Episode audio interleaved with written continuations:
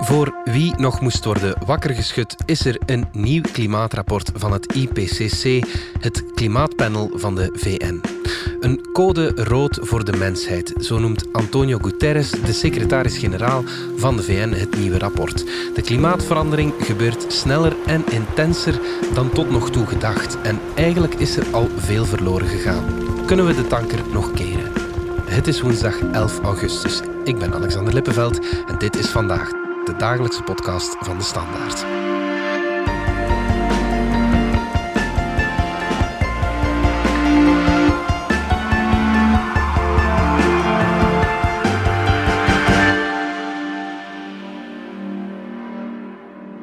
Corneel Delbeke van onze economieredactie en Tom Isebaert van onze wetenschapscel. Jullie volgden de presentatie van dat rapport maandag. Verrast het jullie nog? Wat hebben jullie vooral onthouden? Wat mij verraste was dat er toch wel uh, sterke termen zijn gevallen. Er werd gezegd dat uh, de extreme weerfenomenen die we nu meemaken uh, te wijten zijn aan de klimaatverandering. En er worden dan uh, woorden gebruikt als zonder voorgaan. Het is al millennia niet hm. voorgekomen dat, uh, dat er zoveel ijs smolt, dat het, het, zeeniveau zo hoog was. Ja.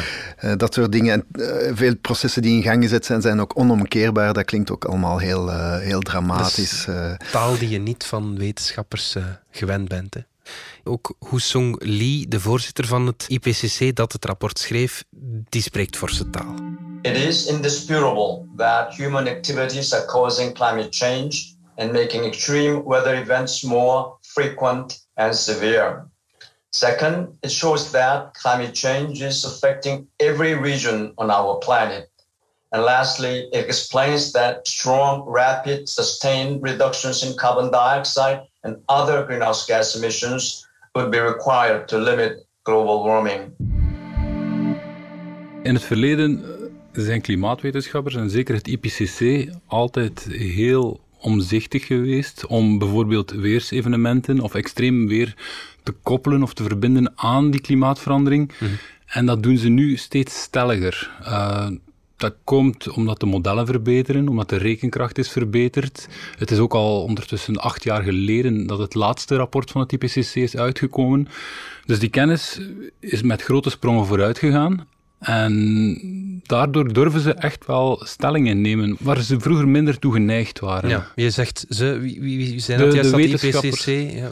ja. het IPCC, dat zijn eigenlijk uh, de landen van de Verenigde Naties. En het klimaatpanel, daarvoor, voor die rapporten, mogen al die landen enkele wetenschappers afvaardigen. Ja. Uh, België heeft drie hoofdauteurs afgevaardigd daarvoor. Ja. En zij bekijken samen de laatste stand van zaken in de wetenschappelijke inzichten. Dus zij hebben 14.000 uh, wetenschappelijke goedgekeurde papers bekeken en die vatten die eigenlijk samen in één groot rapport om te zeggen van kijk, dit is de stand van zaken mm -hmm. van het klimaat. Uh, zo staan we ervoor. Ja, oké. Okay. De klimaatverandering die wordt nu eigenlijk zonder vraagtekens gekoppeld aan de activiteiten van de mens. Is dat het nieuwe in dit rapport? Het nieuwe, het is in die zin, eh, het is uh, nog nooit zo stellig geweest. Hè, dat ze zeggen, ja. het, uh, de invloed van de mens op het klimaat is onweerlegbaar, kunnen we zeggen. Mm. En ik sprak Jean-Pascal van Ypersele, de bekende Belgische klimatoloog, gisteren. Die ook aan dat rapport... Dat is een ancien in, het, in de klimaatwetenschap, is ooit nog vicevoorzitter geweest van het IPCC. Hij heeft ook meegewerkt aan de totstandkoming van het rapport. En hij zei mij van, ja, in 2001 heette het van dat de invloed van de mens waarschijnlijk was. Ja. Een rapport later heette het erg waarschijnlijk. En, en, eh, en, en zoveel jaren later was het extreem waarschijnlijk. En nu zegt hij van ja, nu is het eigenlijk 100%. Nu is de We zijn zeker. Dat het, is, toch uh, niet is, die is onweerlegbaar ja, dat het de mens is. Hij maakt ook nog een vergelijking, vond ik ook wel een mooie, met signaalruis.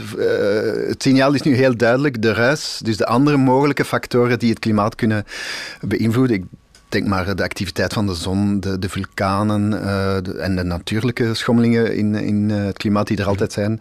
Daarvan weet men nu zeker dat die hun invloed nooit dergelijke snelle opwarming kan veroorzaken. Dus uh, voor, ook voor hem is, is er nu geen, geen discussie meer mogelijk. Ja, oké. Okay. Dat komt ook omdat het laatste decennium, zoals gezegd, het laatste rapport dateerde al van 2013. Mm. En het laatste decennium heeft het ene na het andere uh, jaar uh, zijn de recordtemperaturen opgemeten. Dus ja, men ziet steeds duidelijker dat het alleen maar aan de mens kan gelegen hebben. John Souven, de directeur van de Britse afdeling van Greenpeace, die vergelijkt het met een alarm dat blijft afgaan.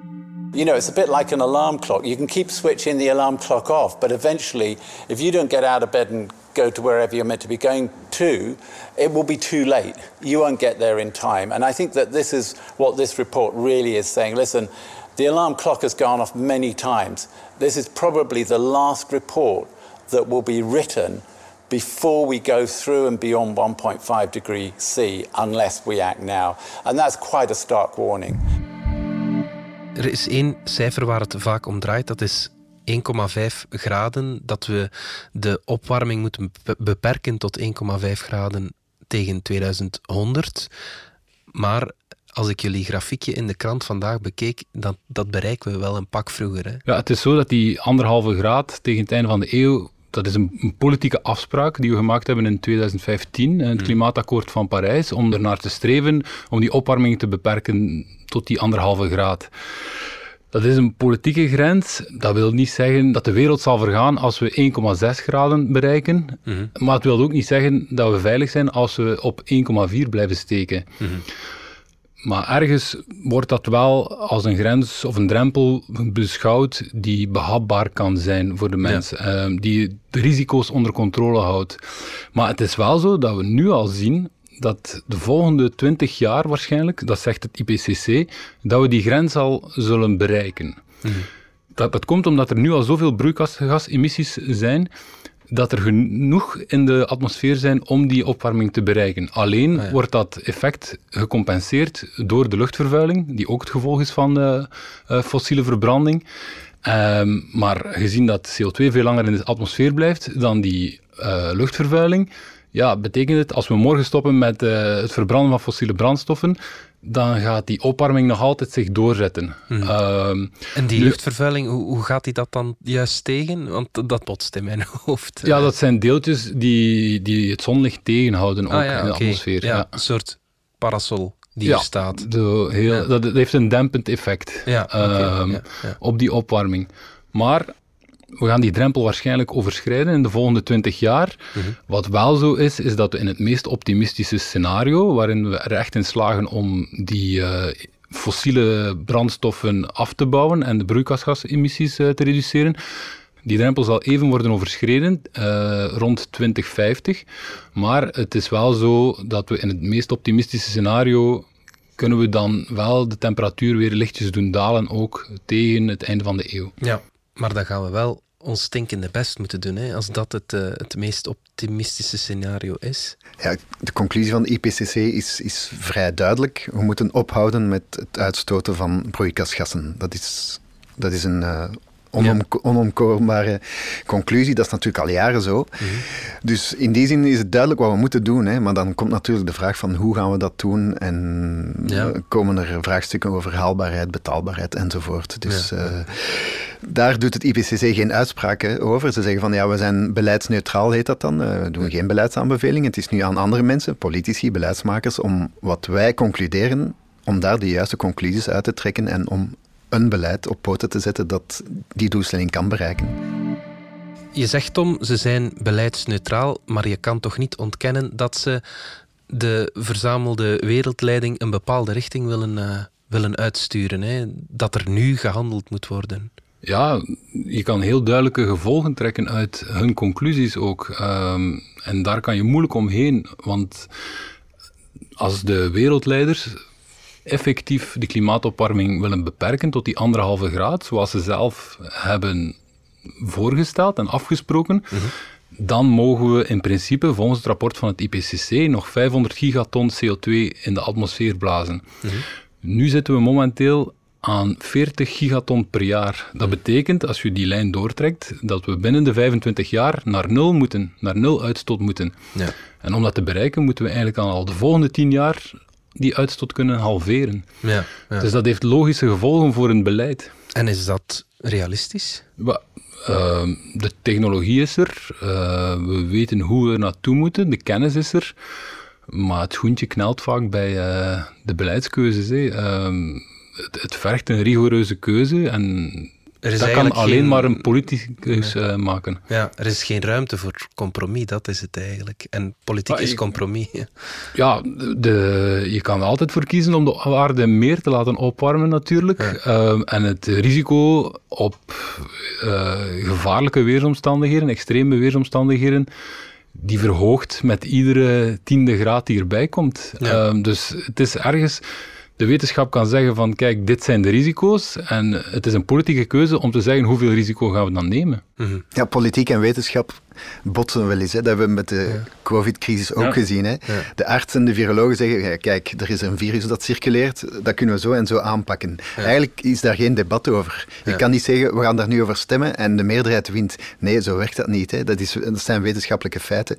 Dat zijn, je kan daar niet omheen. Maar politici hebben ook in klimaat daar moeite mee dat eigenlijk de wetenschap zegt van, dat moeten jullie doen. Daar, daar houden politici niet van, want ze zeggen van, ja, we willen toch een afweging maken, een politieke haalbaarheid, we moeten verkozen worden. Maar er komt een punt dat zij gaan moeten zeggen, nee, die uitstoot moet naar nul. En ja, dan kunnen ze nog discussiëren over hoe, maar het gaat wel moeten gebeuren. Het beleid heeft ons ja, ergens in die covid-crisis pijn gedaan door ons uh, in ons kot uh, op te sluiten. Moet dat nu ook gebeuren? Want de bevolking is wel klimaatmoe, hè? net zoals de COVID-moe is. Ja, maar we hebben bij COVID toch gezien dat de mensen zich schikten naar de maatregelen. Een grote meerderheid ja. uh, voegde zich naar de maatregelen. Mondmasker, vaccin werden geaccepteerd. Bij klimaat blijkt dat een stuk minder te werken. Dat is ook omdat klimaatproblematiek een, een, een lange termijn problematiek is, terwijl een, een, epidemie, ja, de mensen vallen dood bij wijze van spreken elke dag. Dat is bij klimaat nog niet het geval.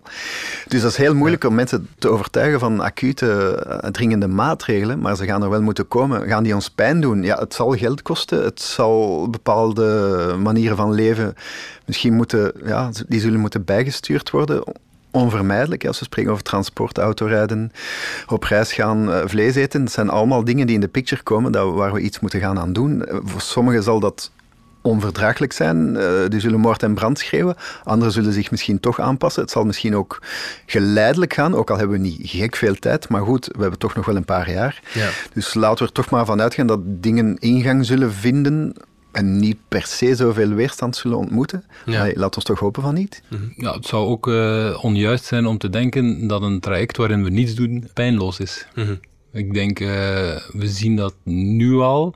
Het is altijd gevaarlijk om klimaatverandering meteen één op één te koppelen aan al die weersomstandigheden, die extreme weersomstandigheden die nu zoveel slachtoffers maken. Maar het is wel zeker dat die vaker zullen voorkomen, die extreme weersomstandigheden. Dus ja, je, je belandt stilaan in uh, terra incognita uh, als je die opwarming gewoon laat doorstomen. En dat zal ook veel slachtoffers maken hoor. Uh, de schade die nu in uh, Wallonië zichtbaar is, ik zeg niet dat dat door de klimaatverandering één op één is, maar het is wel een mogelijk gevolg van de klimaatverandering en ja, we zien hoe groot die kan oplopen. Ja, net als die bosbranden die Net als bij die bosbranden, ja. Het hele jaar, uh, al, een aantal of jaar. Of de, de hittegolf, waarvan dat, uh, de hittegolf in, in Canada, in uh, West-Canada, waarvan nu het IPCC toch echt duidelijk, of de wetenschappers van het IPCC duidelijk durven zeggen van zonder klimaatverandering hadden we die recordtemperaturen nooit bereikt. Mm -hmm. En misschien zullen veel luisteraars denken van ja, maar we hebben toch een flitzomer. Ja. Het is koud, het is nat. Dat is natuurlijk waar, maar zeg, als we het vergelijken met de afgelopen vier jaar, die waren behoorlijk warm en, en, en, en vooral zeer droog. Vorig jaar waren er temperaturen van rond de 40 graden in België. En, dat is, uh, elk jaar droogtealarm. Maar mensen vergeten dan dat dat zijn eigenlijk twee kanten van dezelfde medaille. Ja. Klimaatverandering brengt ook overvloedige regen met zich mee gaat maar gaan vragen in Pepin Ster. Ja. Dat is daar een gebeurtenis geweest die, waarvan de weermannen zeiden, dat heb ik nu nog in heel mijn carrière nog niet meegemaakt. En mm. dat is weer typisch, hè. Dat, is, dat is dat uh, die weerfenomenen zonder voorgaande, die extreme die zich voordoen, dat zijn ook gevolgen van uh, de klimaatopwarming. En wie opwarming zegt, zegt niet per se hitte of droogte, maar ook dus ook over, overstroming, overvloedige regen. Ja. En daar hebben we nu ook uh, aan de lijven ondervonden. Dus we weten wat er ons te wachten staat. Het zal ofwel hitte ofwel overstroming zijn om het even heel cru te formuleren, maar de gevolgen zullen, zullen niet meer te vermijden zijn. Mm -hmm. Ja, en het is zeker niet zo dat we voor, de industriële, voor het industriële tijdperk uh, geen natuurrampen hadden en overstromingen hadden. Maar het is wel zo dat naar alle verwachting dat die alleen maar frequenter worden en zelfs intenser. Dus we gaan ons daar sowieso moeten tegen wapenen, want er komt nog opwarming aan. Ja. Uh, die anderhalve graad is onvermijdelijk, uh, zeggen de wetenschappers nu. Maar ja, dat wil ook niet zeggen dat we daar moeten stoppen. Hè. Dat, dat we nu alles moeten stoppen met, uh, met het reduceren van uh, emissies. Want iedere tiende graad die erbij komt, ja, zal extra risico met zich meebrengen. Ja, ja, ja. Om het met een cliché te zeggen, niets doen is geen optie. Hè? Mm Want we moeten ons wel degelijk aanpassen. Hè? Of in, de, in zekere zin moeten we de klimaatverandering uh, vermijden door minder te gaan uitstoten, maar we moeten ons ook aanpassen aan de gevolgen die er sowieso gaan zijn. Ja. Dus het zal het zal zeker geld kosten, maar als we niets doen, zal het nog veel meer kosten. Ja. Ook dat is bijna een cliché-antwoord, maar het is, het is natuurlijk de waarheid. Ja. En wat er, hè, de factuur in Wallonië nu met de overstroming zal waarschijnlijk ook in de miljarden lopen. Hè. Miljarden die we misschien ook kunnen investeren in, in manieren om, uh, om de, de gevolgen van de klimaatverandering uh, tegen te gaan. Dit najaar vindt de 26e klimaattop plaats in Glasgow deze keer. Is dit rapport ja, kan dat iets losweken bij de mensen die daar aan tafel zitten? Want eh, het is, kan het een kantelpunt zijn? Ik zal het zo vragen. Well, uh, hopelijk. Die mensen hebben zelf het rapport besteld. Want mm. het is de VN die uh, of de VN-lidstaten die de wetenschappers hebben afgevaardigd om dit rapport te maken, om een stand van zaken van het klimaat te maken. Dus hopelijk kijken ze er ook naar. En misschien is het grootste verschil wel dat er op de machtigste stoel geen uh, klimaatskepticus meer zit, hè, op die, de stoel van de VS. It'll start getting cooler. I wish, you, just, you just watch. I wish science agreed with you. hey, well, I don't think science knows, actually. Ja, het is zo, als je met die klimaatwetenschappers spreekt, die maken verschillende scenario's. En het uh, worst case scenario dat het IPCC nu heeft opgesteld, waar we naar het einde van de eeuw naar 4,4 graden opwarming gaan, en dat is echt al ongezien zou zijn, mhm. dat dat wel lijkt afgewend, zeggen die wetenschappers ook. Ehm, want er zijn al veel beloftes gemaakt. Uh, we hebben het klimaatakkoord van Parijs, maar we hebben ook Europa, die nu met de Green Deal tegen 2050 klimaatneutraal wil worden. China heeft gezegd tegen 2060 worden wij klimaatneutraal. Ook bij de VS is Joe Biden nu inderdaad aan de macht. Is uh, the commitment I made that we're going to rejoin the Paris Climate Accord uh, as of uh, as of today.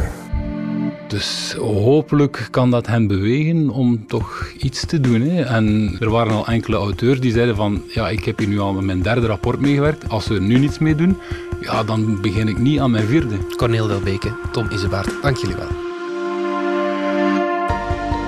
Dit was vandaag de dagelijkse podcast van De Standaard. Bedankt voor het luisteren. Reageren kan via podcast.standaard.be. Alle credits vind je op standaard.be-podcast. Morgen zijn we opnieuw.